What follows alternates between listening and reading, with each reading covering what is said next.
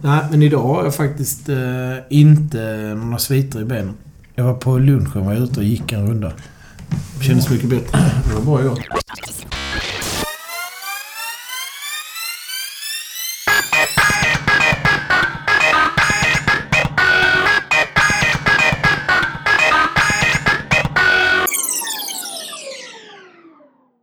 Idag ska vi prata om eh, Kullamannen. Kullamannen. Kullamannen, detta episka traillopp upp på Kullaberg. Vad vet du om Kullaberg, Jocke? Eh, ja du, det är en nordlig liten spets av Skåne som är ett eh, topografiskt extremt kuperat. Mm.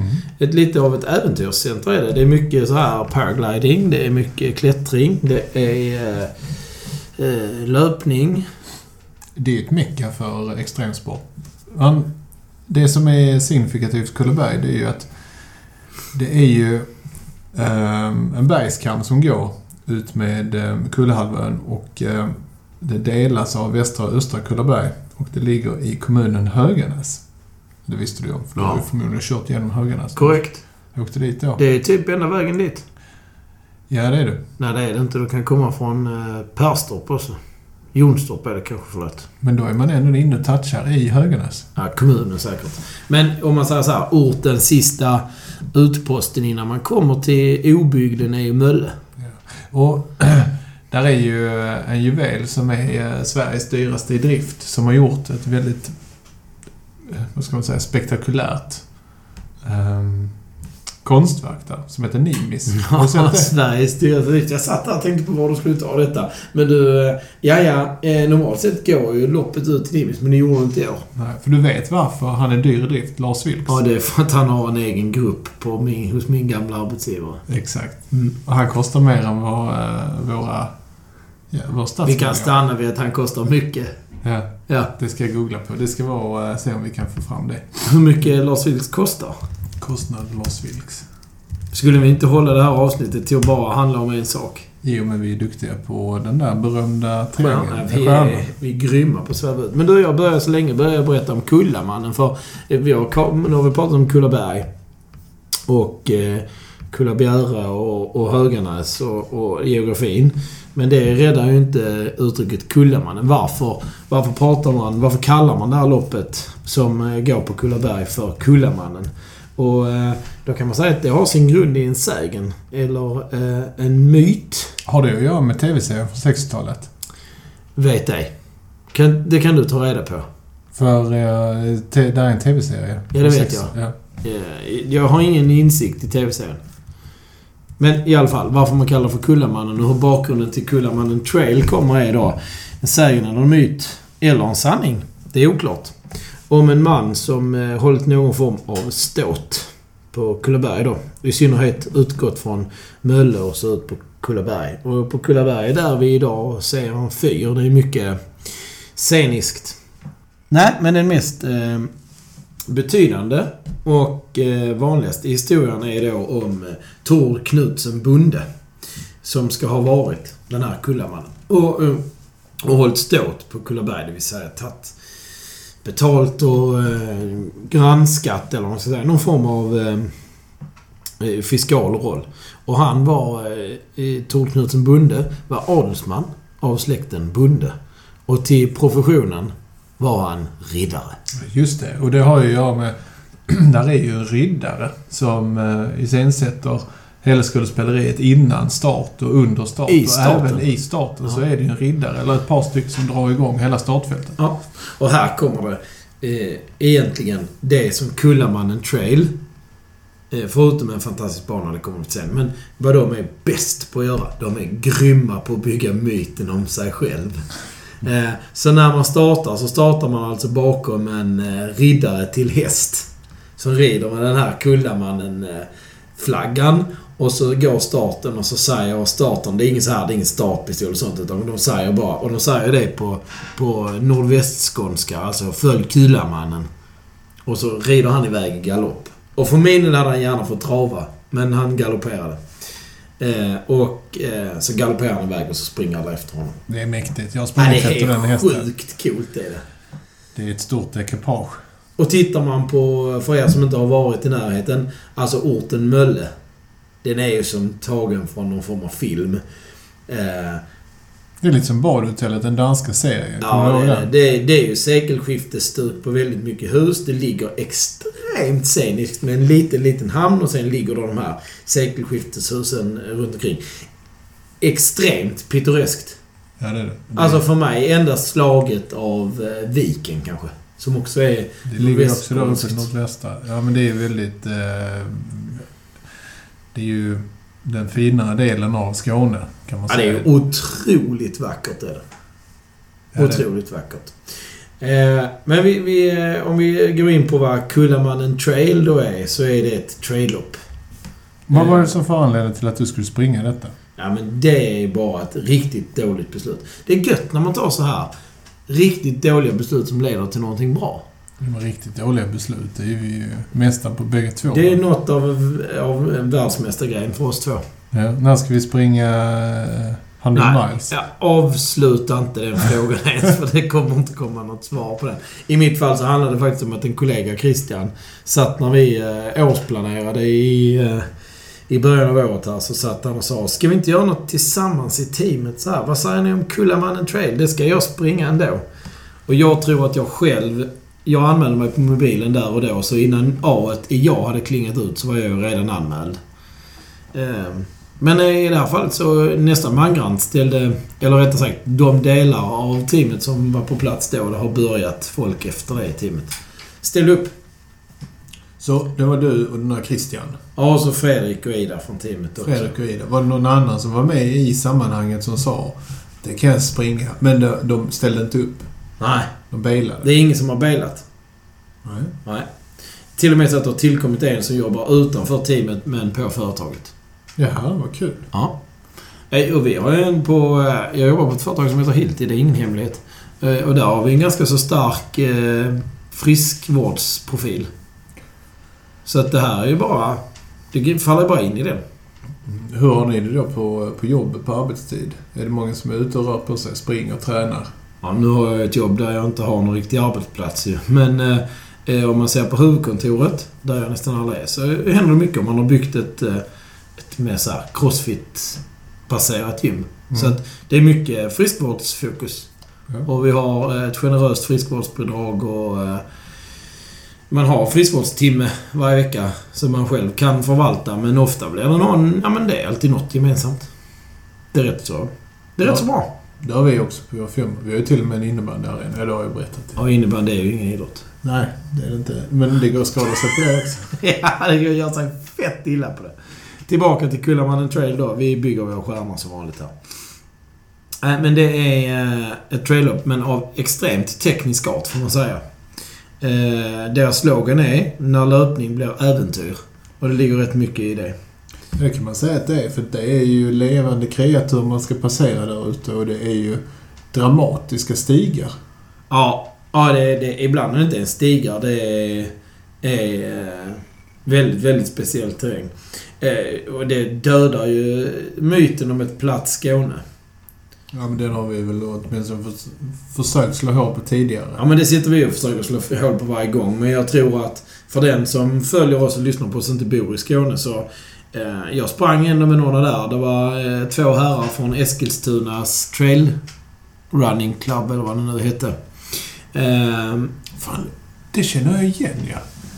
Inte att du sprang med dem, men jag tror att de har varit nere ett par gånger. ja, men det, det är en jättestor klubb förklarar de här Ja. två herrarna. Det var två herrar i eh, 50-årsåldern. Ja, de var kanske mer än 50. Men de var ju hurtiga som fan och sprang fint. Eh, och de var nere många från klubben, sa de. Eh, men de hade ju också... Nu hade de varit där innan, men de skrattar ju bara åt myten att Skåne är platt. För ehm, det finns lite olika eh, val här. Man kan gå från eh, svart bana, som är... Jag tror den är 12,5 kilometer. Sen finns det dödens zon. Och det var i dödens zon jag äntrade. Och kom ut levande. Och då springer man 22 kilometer och det säger de på hemsidan att det är 1000 höjdmeter. Mm, det är ju en del. 1000 höjdmeter på 22 kilometer kan vi vara överens med en sak att det är väldigt lite platt löpning i alla fall. Sen finns det dubbeldöden. Och dubbeldöden är alltså två varv. På, på 22 km banan. Så den blir till och med 45 km. då är det ju drygt 2000 meter. Det är korrekt. Bra räknat, Mm. Micke. Ja, du är mattesnäll faktiskt. Jag har faktiskt lite studieskulder också. Ja, vad skönt att höra. Jag satt precis och funderade på det. Sen finns det faktiskt också, och här kan du få skäl för, göra skäl för dina studieskulder. 100 miles. Mm. Det vill säga lite sådär drygt 16 mils löpning. Ja. Det kan man också springa. Och det går... Det startar inte... Man springer inte enbart på banan. Det startar väl så att det är lite lättare. Men de springer ganska många varv på banan. Jag vet inte exakt hur många hur faktiskt. De har en bit... De startar en bit ifrån och tar sig till Kullaberg och sen springer de på banan. En bit ifrån de startar Ängelholm som inte är en metropol men eh, det är en, en större... Det är en stad. Det är lite kul för när du åker till eh, Mölle Så. så är där en eh, ICA-butik i Strandbanan. Och de har deras marknadsföringsplats, det vill säga deras reklamskylt. Den är Last Grocery Store before Kullaberg. så sen är det liksom sista utposten. Men, ja, just det. Men där är faktiskt ingenting i Mölle. Det är bara restauranger i Mölle. Där är, är det ingen liten speceributik? Nej, jag har inte sett någon. Jag har varit där ett par gånger i med detta och, och tränat och tittat och, och även då här i helgen. Och jag har inte hittat någonting där man kan köpa något annat än, än restauranger. Men däremot så är det... Alltså vill ni bara åka på en utflykt så är det vackert att åka till Mölle igen. Vi gör reklam för Mölle igen. Där är jättemånga fina restauranger. Grand Hotel där man går i mål. Vilket ställe. Ja, det är fint är det. Vilket ställe. Jag stod och föreläste där för något år sedan. Det är ett väldigt, väldigt bra ställe. Men eh, där är andra saker. Man ska springa in i naturreservatet. Där är bara golfbana också där uppe. Men det Ja. ska vi skita i idag. Ja, men, men tänker faktiskt. Jag tänker så. Jag brukar säga när man... Typ när du är på väg någonstans och vädret är riktigt dåligt. Det har man ju varit när man var hundägare. Och man åker förbi en golfbana så är det alltid någon idiot som står och ska ut och spela golf. Ja. Och då brukar jag säga att golfare är ett, ett synnerligen idiotiskt folkslag. Och det är ju traillöpare också. Målmedvetna skulle jag väl kalla det. Ja, ja. Ja, Det är idiotiskt. Det är, bara så, hårklyveri. det är så brett. Ja. ja. Jag, jag kallar det för hårklyveri. Men alltså man gör saker som egentligen ligger utanför. Det det, det handlar om är... Jag menar om du sticker ut och spelar golf eller du... Du springer trail. Du rör dig utanför en komfortzon. Det är svincoolt. Oavsett vilket man gör är det jättefräckt. Kunde man då den här dödens zon, dubbeldöden och 100 miles. 100 miles startar i Ängelholm och sen så går de faktiskt i mål på samma ställe. Jag sprang ju om, under tiden jag sprang, så sprang jag om en del 100 miles eh, löpare. Inte de snabbaste, för de hade redan gått i mål. Eh, och de var ju bra slitna härvidlag. Ja, men herregud, springa 16 mil alltså. De går ju mycket också de där stackarna. De gick. Alla jag såg gick. Men allvarligt talat, det är sån, det är sån enorm respekt på att genomföra det. Eh, och det var ganska många av dem som bröt. Men alltså, förstå, jag sprang ett varv på den här banan. Och jag var helt förstörd i mina ben. Vad kan de ha sprungit? Jag tror de, de springer nog... Om jag har fyra varv på banan, tror jag. Ja. Nio Fyra, mil. fyra eller fem. Ja, nio mil då. Nej, fy. Och det kan jag säga, den är stygg alltså. Eh, tar vi bara går igenom så här lite snabbt. Vi kommer mer till banan sen. Men eh, om vi tar eh, eh, svart bana då till exempel, om vi börjar där. Så vinner Peder Enoksson den här 12,5 km långa tävlingen på 57 minuter 58 sekunder. För herrar och eh, Freja Orban vinner på 1.06 för damer. På samma sträcka nu som, Ja, 12,5 kilometer. Som du sprang. Nej, Nej. du sprang ju 22. 22. Om vi går över till den jag sprang, det vill säga dödens zon, 22 kilometer. Vi kommer om min tid så småningom. Det är inte så mycket vi att prata om den. Men eh, den vinner Christer Sellman på 1.44. Det är väldigt bra. Det är äckligt bra, säger jag. Eh, damer Amanda Nilsson på 1.52. Det är också äckligt, äckligt bra. Det är, ja, det är så bra, så bra. Tar man dubbeldöden, de som var eh, modiga nog att ta två varv. Johannes Tegnér vinnare på 3.54. Och eh, på eh, damsidan är det Lena Trillelev på 4.35. Och så kommer vi till de riktiga hjältarna eller galningarna välj själv. 100 miles. Petter Restorp måste vi eh, resa vårt glas för, säger jag då. 17.58. Alltså 17 timmar 58 minuter för drygt 16 mils löpning i den terrängen vi pratar om. Ja, det är Det bara är helt och hållet förbi mig hur bra det är. gratulera till den här fantastiska bedriften. Ja, men det är enormt, enormt, enormt, enormt imponerande. Vad är det du ska kolla på nu? Är du med för att jag tog upp min telefon? Ja. Jag ska kolla min egen på Strava sen. Jag ska ha den som stöd.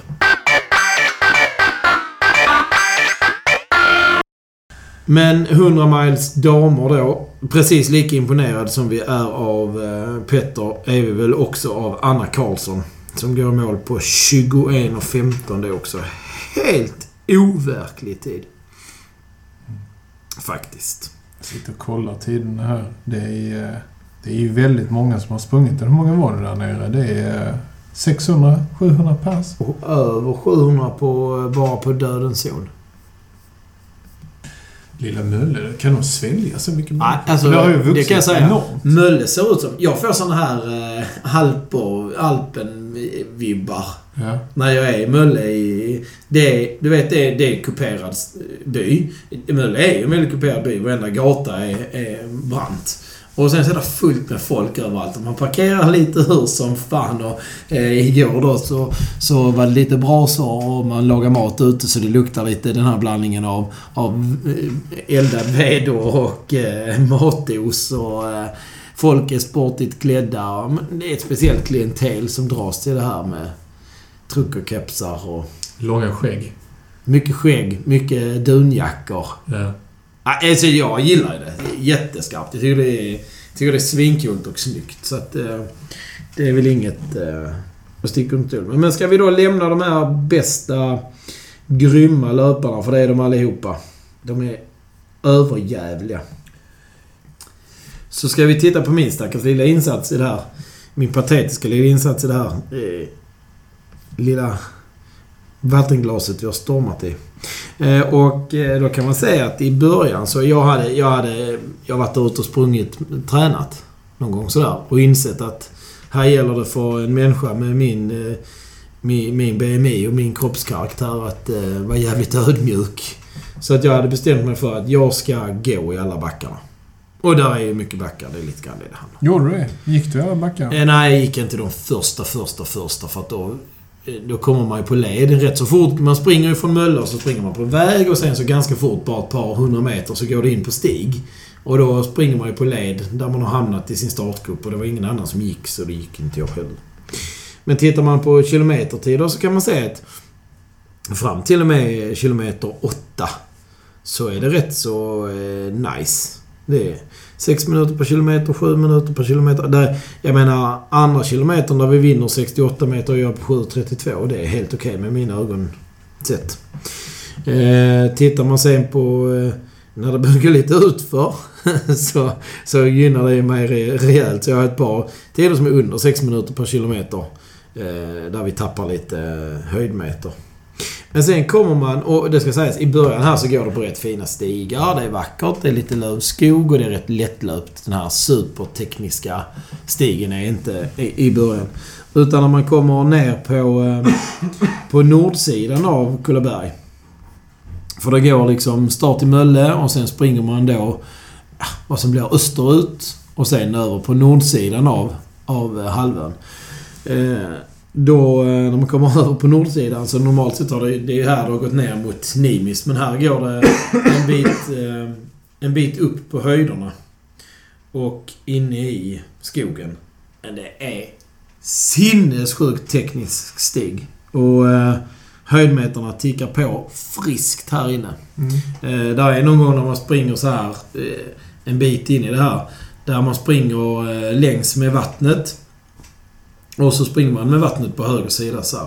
Och så kommer man springande där och så är det tät skog, tät, snårig skog ska jag säga det till och med. Men väl uppsprungen stig, alltså riktigt, riktigt fin stig. Men den är stenig och, och, och teknisk och svår så man springer inte speciellt fort.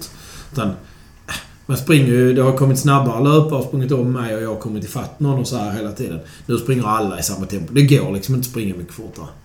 Och sen så klarnar den snåriga skogen, den öppnar sig lite så här. Och så ser man hur banan vänder upp vänster, upp på liksom stigningssidan upp från vattnet. Och så ser man pärlbandet av löpare som går. Och det är så brant, så brant, så brant. Alltså det är så tok... Det är ju förbi svart skidpist och så här. Och så ser, ser man också att det öppnar sig. Man ser liksom hur långt upp det är tills det slutar gå upp. Och det är, det är jättelångt och det är ingen som springer. Alla går. Mm. Alltså de här, du vet de som kommer som ser jättesnabba ut. De springer i shorts och linne. Jag sprang ju i långa byxor och en lång tröja. Men de springer i shorts och linne för de springer så fort så de behöver liksom inte... De, de fryser aldrig under. Nej, de springer så fort. Under Även de går i den här backen. Den är helt sjuk är den. Var det många som sprang med stavar? Med stavar? Ja. Nej, nej. 100 milesarna såg jag med stavar. Annars såg jag ingen stavar alls. Men alltså här, när vi pratar den stigningen. Där hade inte stavar varit fel. Nej. Absolut. Tvärtom. Det, det är så brant. Ja, det hade för... Det är så brant så när jag... Eh, när jag ska eh, ta mig upp så kan jag sätta händerna i och liksom krypa upp. Eh, så där, kilometer 9 till 13. Där kan man bara så att man tittar på min strava så har jag ingen av de kilometrarna som gick fortare än 10 minuter per kilometer. Nej.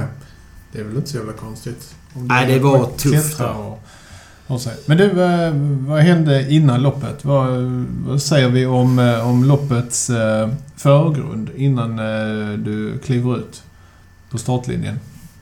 Nej men då har man ordnat en... eh, Det kommer rätt mycket information mejlledes. Ja. Man skickar ut nummerlapparna.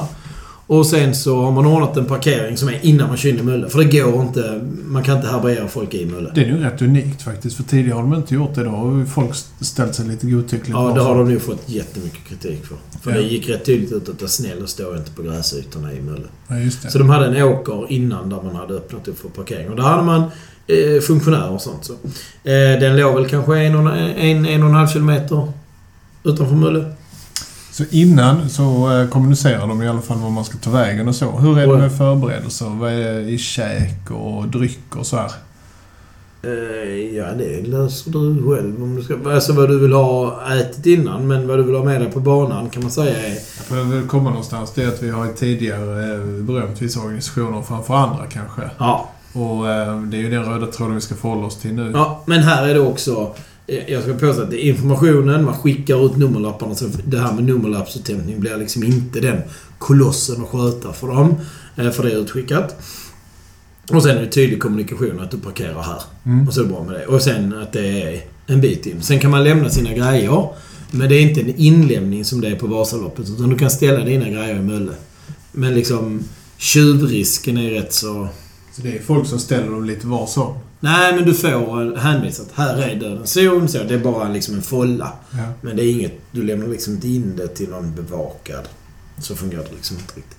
Men det, det där fungerar jättebra. Jag kan ha mina åsikter om att... Eh, att mål och start är på olika ställen. Vi kommer till det sen. Men... Eh, sen så är starten och eh, man har kommunicerat tydligt att du ska ha med dig en kåsa. För att kunna ta vatten, för det finns inga muggar.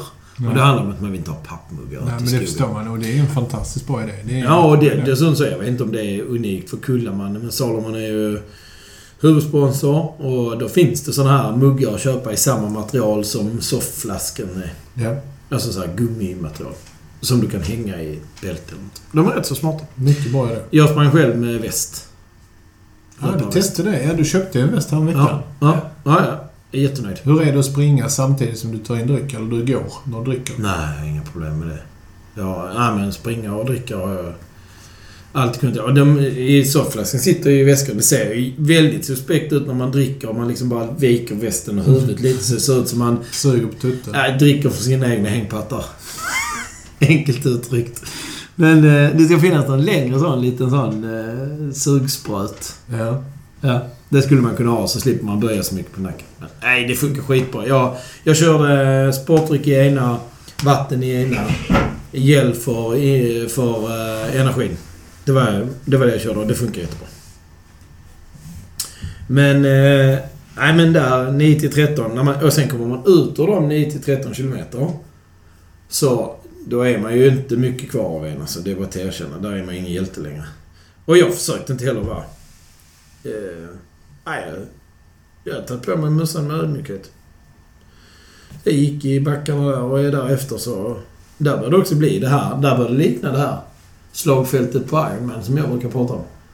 Det är en väldig förbrödring i gänget liksom. När man kommer fram till nästa backe man ska klättra upp och så... Ah, men vad fan. Det är inte sant. Och det, är liksom, det hör man, man hör mer än ja men vad fan. Det, det är mer än en som säger det om man säger så. Ehm nej, men jag...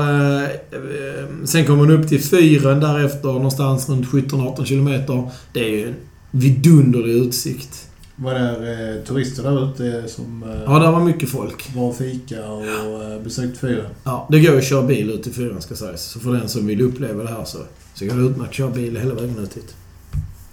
Jag kommer ihåg att det blev lite... De hade, när jag sprang där, eh, vätskestation. Där ute som de delade ut. På fyren? Ja. Ja, det hade de också. Det hade de? Ja, det är bra. Och sen efter fyren så får man springa en liten bit. Sen kommer man fram så står där en funktionär. Och så har de knutit upp ett rep och så får man klättra ner. Ja. Det blir repellering ner. Ja, repelleringen får du ta bara så här med håller i repet. Men du får klättra ner. Det är också bara coolt. Sen så går det sista biten rätt fint genom hagar och sen sista, sista, sista så, så är det väldigt tekniskt igen och mycket stenblock och så här. I Haga, kommer du ihåg vad som hände där när jag var ute och? Jag lyfte ifrån marken eh, och hoppade. Ordentligt. Ja, det, det förvånar mig inte. Det är många som vittnar om att de hade ramlat. En kille som, jag hoppas det gick bra för dig. Jag har ingen aning om vad du hade för startnummer och sånt. Jag kommer inte ihåg. Men om du skulle lyssna så Eh, efter fårhagen när man kommer ner från de här tuffa kilometerna innan man går upp till fyren. Ja. Så någonstans mellan 13 och 17 någonstans där. Så jag ser honom framför mig. Han trampar så in i vassen fel på en sten. Som, för du vet det är en sten. Så man ser bara hur foten bara viker undan. Och alltså här är det. Jag bara säger. Om någon har idén att springa Kullamannen så ska ni få ett par bra tips på vägen här så småningom. Men foten viker sig fullständigt på honom. Så vi stannar, vi är ett par stycken som stannar och frågar honom hur det gick. Han bara, spring ni vidare. Jag vilar här en stund och sen så kan jag nu stödja på den. Bara, du kommer aldrig stödja på den foten igen. På, eller du kommer inte stödja på den på väldigt länge. Men det var publik som stod en bit bort som vi uppmärksammade som fick ta hand om honom. Så att, okay. Jag tror han fick bryta där. Det fanns inte en chans han kunde fortsätta. Oh, Annars så. såg jag inte många som ramlade så. Det gjorde jag faktiskt inte. Jag såg många som hade det tufft, men... Uh. Men... Eh, nej, sen så knallar jag i mål på Eh, tre timmar och 25 minuter typ. Så att eh, dagen efter var det rätt jobbigt. Jag har ju inte rätt kroppsbyggnad för en sån här jävla idé. Jag är för tung. Eh, och jag skulle absolut kunna bli lättare. Jag skulle förmodligen kunna banta bort många kilon, men jag vet inte det. Inte för den här sakens skull. Och jag ser inte riktigt... Eh, om det är någon eh, jag känner som är sugen på att springa Kullemannen så ska ni få mitt stöd. Men jag kommer inte springa mer. I, vilket form, I vilken form får man det stödet? Ett sms, jag kommer dit... Nej, jag ska komma dit och på. Är det sant? Ja, men du så som folk satt ute i skogen i solen, för det var fantastiskt väder. Helt obeskrivligt fantastiskt väder. Eh, sitta där i en glänta i skogen med en termos och eh, heja på folk när de springer förbi. Och till och med kanske jag kan resa mig och jogga med en bit när det kommer slidandes där. Det kan jag göra. Men eh, se till att anmäla mig till 22 km, 1000 höjdmeter med det här BMI, det kommer inte hända igen. Men du Micke, ska vi eh, köra vår betygsstandard?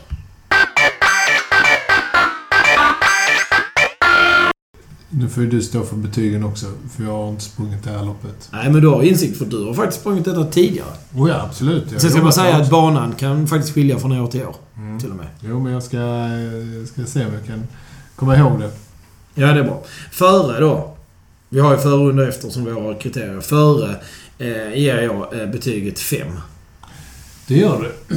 Vad grundar du det på? För jag vill minnas att det var ganska så eh, sparsamt med, eh, eh, med grejer att göra. Om man var där i god tid innan. Ja. Ingen, ingen mat och så hade vi ingen... Nej, nej, nej Mölle är ju öppet. Alltså, där är öppet på sina ställen. Där är restauranger öppna och sånt. Så får publiken också någonting att göra de här, alltså, ska du stötta någon som ska ut springa så har du tre timmar och, och vänta på att de kommer i mål. Ja. Eh, och det är inte jättelätt att ge sig ut. Banan är ju otillgänglig. Alltså, stora, stora delar av banan är ju Det är mitt ute i skogen. Jo, jag vet det. Och du tar dig inte dit hur lätt som helst. Men, nej, men jag tycker före, jag drar längre än precis före starten. Mailen man får, marknadskommunikationen från Kullamannen Trail är grymt byggt. De bygger verkligen myten om Kullamannen. Den här riddaren, det här coola stuket och, och det är verkligen... Det är credit på något sätt. Ja, Känns lyxigt. De är duktiga på att, ehm, att följa upp sina nyhetsbrev. Det är de. De är jätteduktiga. Skickar ut nummerlappar. Eh, De anordnar så här med parkeringen som är fixad. Det känns rätt så... Pro- eller känns väldigt proffsigt gör det. De lägger ner mycket tid på det. Ja, om man, om man kommunicerar i förväg att eh, det kommer finnas föreläsningar som alla är välkomna på. Mm. På, då, på Grand Hotel i Mölle. Och det blir också sponsorerna där och så säger man vilka sponsorer det är. Det är Salomon och Sunto i det här fallet och Omara på, på sportdrycken. Och så berättar man att de är här och visar sina grejer. Du kan komma hit och prova. Så var det Runners Store. Är där också kör någon eh, rea på lite grejer. Så att de kör erbjudanden för den som är på plats. Som de inte kommer köra för någon annan. Det är lite sånt som man, eh, ja, som åskådare vill gå och titta på och glömma och känna. Kanske till och med som löpare. Men de kommunicerar det också. Så att om du är åskådare och är, är, är löpare Mm. och du är där för hävningen så finns det faktiskt något för dig att gå och titta på under tiden. Och du vet det när du åker dit att det här kommer finnas att titta på. Nej, jag tycker det är skit. Men du gör det fem av fem. Jag Ja, känner ja. att det är bara orättvist. Men jag skulle med... Eh, jag skulle nog säga kanske fyra av fem. När jag sprang det. Eller när jag var där då. Ja, det kanske har blivit bättre sen du sprang det också. I don't know. Ja, det skulle vara... Ja. Fan om det inte blir bättre. Jag kommer helt enkelt inte ta någon hänsyn i snittbetyget för dina betyg för jag har redan räknat ut snittbetyget. Har du det? Ja. Okej, under då. Vad tyckte du? ja. Det är också en femma. Du gillade det? Ja, så här är det. Jag genomför inte ett fantastiskt lopp, men det är ju inte loppets fel. Jag är ju inte en tillräckligt stark löpare för att göra det här bra. Eh, och det är också en sån eh, spaning som jag har under tiden jag står innan start. Det är många som ser jäkligt snabba ut på startlinjen. Mhm. Och, och konstaterar så här efterhand, det är många som är jäkligt snabba också. Jag hade en kollega, eller jag har en kollega som sprang. Men han hade ställt upp i vanliga löparskor. Han sa att det var ju... eh, Det var ju som ett straff. Att springa i höga Ja, löparskor. skyll dig själv. Ja, faktiskt. Ja, faktiskt. Det kommer, jag ska avsluta med tips efter betygen här på, för den som är eh, sugen. Men när man sen kommer till banan. För det första så är den, den är väl upptrampad. Alltså det här förstår man att någon har lagt ner arbete med att bygga den här banan. För att de här stigarna är väl underhållna. Alltså det är verkligen gjort till perfektion. Det är välskyltat. Det är så sjukt. Jag är mitt ute i skoböjden och där finns eh, skyltar och vägvisningar. Det går liksom inte att springa fel. Faktiskt. Eh, dessutom också när man kommer till... Vi har ju sprungit då 2-2,5 kilometer så precis innan den första lilla knycken med stigning som är sådär utanför Mölle så har de satt upp en skylt. Där det står “If you're waiting for a sign, this is it”. Vad bra. Nej, jag Det är Göteborgs De roligt. första 3-4 kilometerna sprang man nästan i traktorspår. Ja. Det är Ja. så nu också? Ja. Nej, de första... Ja, men de första... Ja, alltså jag måste säga, första 6-7 kilometer tycker jag bara... Shit, det här går lätt. Det är nästan så jag måste liksom sansa mig. Det måste, det kommer, jag kan ju inte banan innan jag springer den. Hade jag vetat vad som kom vid kilometer 9 så... Du ska få din, Ja. din naive... Men... eh, Men sprang du två varv? Nej, jag sprang ett varv. Ett varv, ja. Gud ske lov. Ja. Gud ske lov. Ehm, men alltså banan är, är eh, välskyltad. Och efter de förutsättningarna så är man är mitt ute i skogen och, och springer. Så är, där är vätskekontroller. De är uppsatta på bästa sätt. Och det, är med förutsättning att du har med dig en egen kåsa. Jag hade mina de softflasksen då. I västen som jag fyllde på. Och, och det är... Eh, äh, det är grymt. Grymt bra. Så att eh, fantastisk... Eh, en fantastisk bana och en ynnest att få vara med. Riktigt, riktigt välordnat. Sen var det ju fantastiskt väder. Vilket det är så roligt för starten. Han säger där i någon, till någon av grupperna som startar Ja, idag har vi fantastiskt väder. Vi hade ju hoppats på lite kärvare väderlek men det var ju jättefint. Men hade det varit eh, två grader kallt och snöblandat regn så hade vi blivit ödmjuka. Mm. Efter. Men eh, ditt eh, samlade betyg det var alltså femma? Ja, femma på Under loppet? Outstanding. Det är one, one of a kind. Utsikter som är... Någon av utsikterna kommer du till bara för att du springer. De kommer du aldrig se om du inte tar dig dit till fots. De finns inte den utsikten om du inte tar dig dit till fots. Det Och är det så dramatiska vyer där. Ja, det är helt sjukt det är det ju. Så eh, det, det kommer jag eh, också sätta. Jag sätter fem där också. Ja, det bra. Du kan sätta samma som mig så blir det lättare för mig att räkna. Ja. Ja. Eller du kan rätta den. Efter 3,5. Det är faktiskt mitt lägsta betyg. Och eh, det är svårt att göra det här riktigt bra för dem. Jag förstår att förutsättningarna är begränsade. Men Grand Hotel i Mölle, hur coolt det än är, så är är det, det är lite för litet. Då kanske man skulle stänga anmälningarna tidigare och säga att tyvärr, det blir inte fler platser än så här. Eh, jag var in på Grand Hotel efter jag hade gått i mål. Dels för att jag frös lite grann och ville värma mig innan jag skulle gå till bilen. Eh, och dels för att jag ville se vad det var. Men du gick alltså mål nere i hamnen? Nej, du går mål vid Grand Hotel numera. Du startar nere i hamnen? Nere i hamnen. Ja. Så du lämnar dina grejer i hamnen. Och sen kommer du ut till Grand Hotel och så är det... Vad kan det vara från Grand Hotel till hamnen? Det är, inte, det är ju ingenting. 400 meter. Ja, 500 meter är det då. Men... Du, jag var kallt som fan. Jag hade behövt min torra tröja jag hade en väska. Den, är, den hade jag velat ha där och då. Och det kan man ju säga att man går ingenstans när man har gått i mål utan att det är en ansträngning. Nej. Nej. Men vad hände? Du fick gå ner till hamnen och hämta din, din väska? Nej, jag lät det skitigt. Så jag har lagt det i en kollega Christians väska. Så att Christian fick min tröja med sig och sen hade jag resten i bilen. Och så lyckades jag eh, hitta skjuts ner till bilen från eh, Mölle. Så jag slapp faktiskt gå den kalla biten. Men, men om man säger så här. Grand Hotel där inne, där allting finns. Det blir så lite... Det blir lite för litet. Det blir lite för mycket folk i förhållande till hur mycket det var. Men det är ju en fantastisk... Det är ett sånt grymt coolt ställe. Där är en bra restaurang. Där är någon, någon after run dinner sen. Senare. Det var inte jag kvar till. När jag var inne där så höll Rune Larsson föreläsning som var öppen för alla.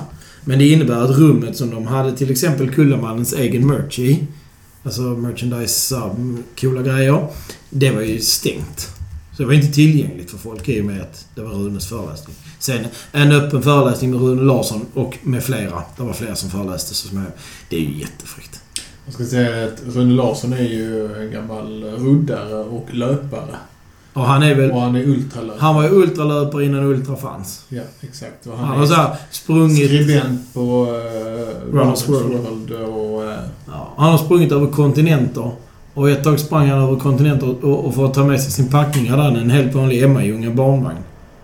Det är ni, alla ni som har löpvagnar. ja. Ah, han är cool som fan. Han har också myntat uttrycket eh, om du tycker det är tråkigt att springa har du inte sprungit långsamt nog. Det är också riktigt bra. Eh, men jag tycker också det är jättefamiljärt och det är coolt och fräckt uppe på Grand Hotel och det ska man ha kvar men man måste göra någonting mer. De hade lite så här laga mat utanför. Jag vet inte, jag har precis gått i mål också. Jag kanske är lite eh, biased med det. Men det är kallt att gå hela vägen tillbaka till bilen. Och det är plågsamt att gå till hamnen och dina torra kläder i hamnen när du går i mål vid Grand Hotel. Man kunde fått lämna in dem i hamnen och fått dem levererade vid Grand Hotel. Det kostar fortfarande 600 kronor att anmäla sig till Kullamannen. Så det är ju inget gratislopp. Och 600 kronor tycker jag är skäligt betalt. Ehm, men det hade varit gött med, med torra kläder. Och logistiken, helt ärligt, klarar Vasaloppet av det så klarar Kullamannen av det. Det är inte jättemycket att transportera. Alltså vi snackar om då eventuellt tusen, eh, tusen väskor eller, eller påsar och säckar. Liksom. Sen är det så här, för 100-milarna som varvar vid Grand Hotel så har de ju en egen avdelning att ta sina grejer och, och, och fylla på med energi och sånt där. Vilket ju är jättefräckt. Ja. Eh, Så att det kanske, de kanske har en helt annan upplevelse av vad efter eller under är. Men jag tycker där kunde jag fått mer... Jag tror jag kunde fått ännu mer upplevelse av Kullamannen om man hade gjort det ännu bättre. Men det var jättetrångt när man kom in på Grand Hotel och jag, jag liksom Run Store-delen där inne gick jag inte fram till ens för att det var så trångt. Så att där, där sänker betyget lite. Men tittar man då på ett, en total så har vi ett snitt på 4,5 ja, det kan man väl säga att du har. Jag håller på att räkna ut det nu. Ja. Det är fyra halv. Ja, fantastiskt. Eh, och då ska jag avsluta, för vi vill eh, hålla oss korta. Så jag vill avsluta med tips för den som vill springa Kullamannen. Mitt första tips är, gör det. Bara gör det. Det kommer att vara en upplevelse. Det är kanske inte något du vill göra om. Det är kanske det du vill göra en gång, som jag gjorde, och sen är du nöjd. Men det är en upplevelse. Den är värd ansträngningen. Det kommer att vara din absolut förmodligen din sämsta halvmara någonsin. För de 21 kilometerna man springer är ju sjukt jobbiga. Eh, och sen är mitt nästa tips, det landar på träningskontot. Det är bara, du kan inte träna för mycket. Alltså vi är inne på samma som en Ironman eller en halvman. Men du tränar hur mycket du vill för du kommer aldrig vara tillräckligt vältränad.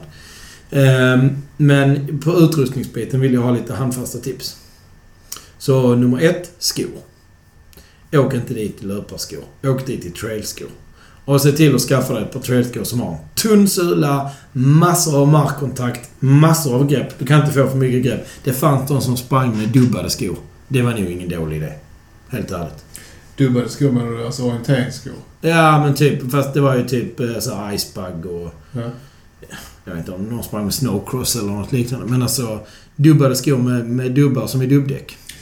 Det, sen ska man också med, eh, veta det att ett par riktigt bra trailskor, det har ju en annan följsamhet. Så just den där snubben som vrickar fötterna, förmodligen. Ja, han sprang i ett par lite för tjocka skor. Ja, kan jag tänka Alltså mig. Han kommer för långt upp så att plösen den blir väldigt eh, rörlig. Och vilket Ja. gör att så fort fo- fo- foten börjar röra sig åt sidan, ja men då är det ingenting på sidorna som tar emot. Det är liksom Nej. ingen sarg. Men jag hade två val. Jag har två trailskor som jag så där springer med beroende på vad jag ska göra. Det är två Salomon-skor. De ena heter Speedcross Pro. Och är så här en, det är en liten svennesko. Eh, lite tjockare, lite dropp, lite dämpad. Så springer du grusstig eller de vanliga motionsspåren tycker jag den är jättebra. Eh, just Pro jämfört med vanlig Speedcross har en lite fastare ovandel. Nej, den är svampigare. Det är en SCS-dämpning i den vanliga Ja men nu pratar du, nu pratar du sula.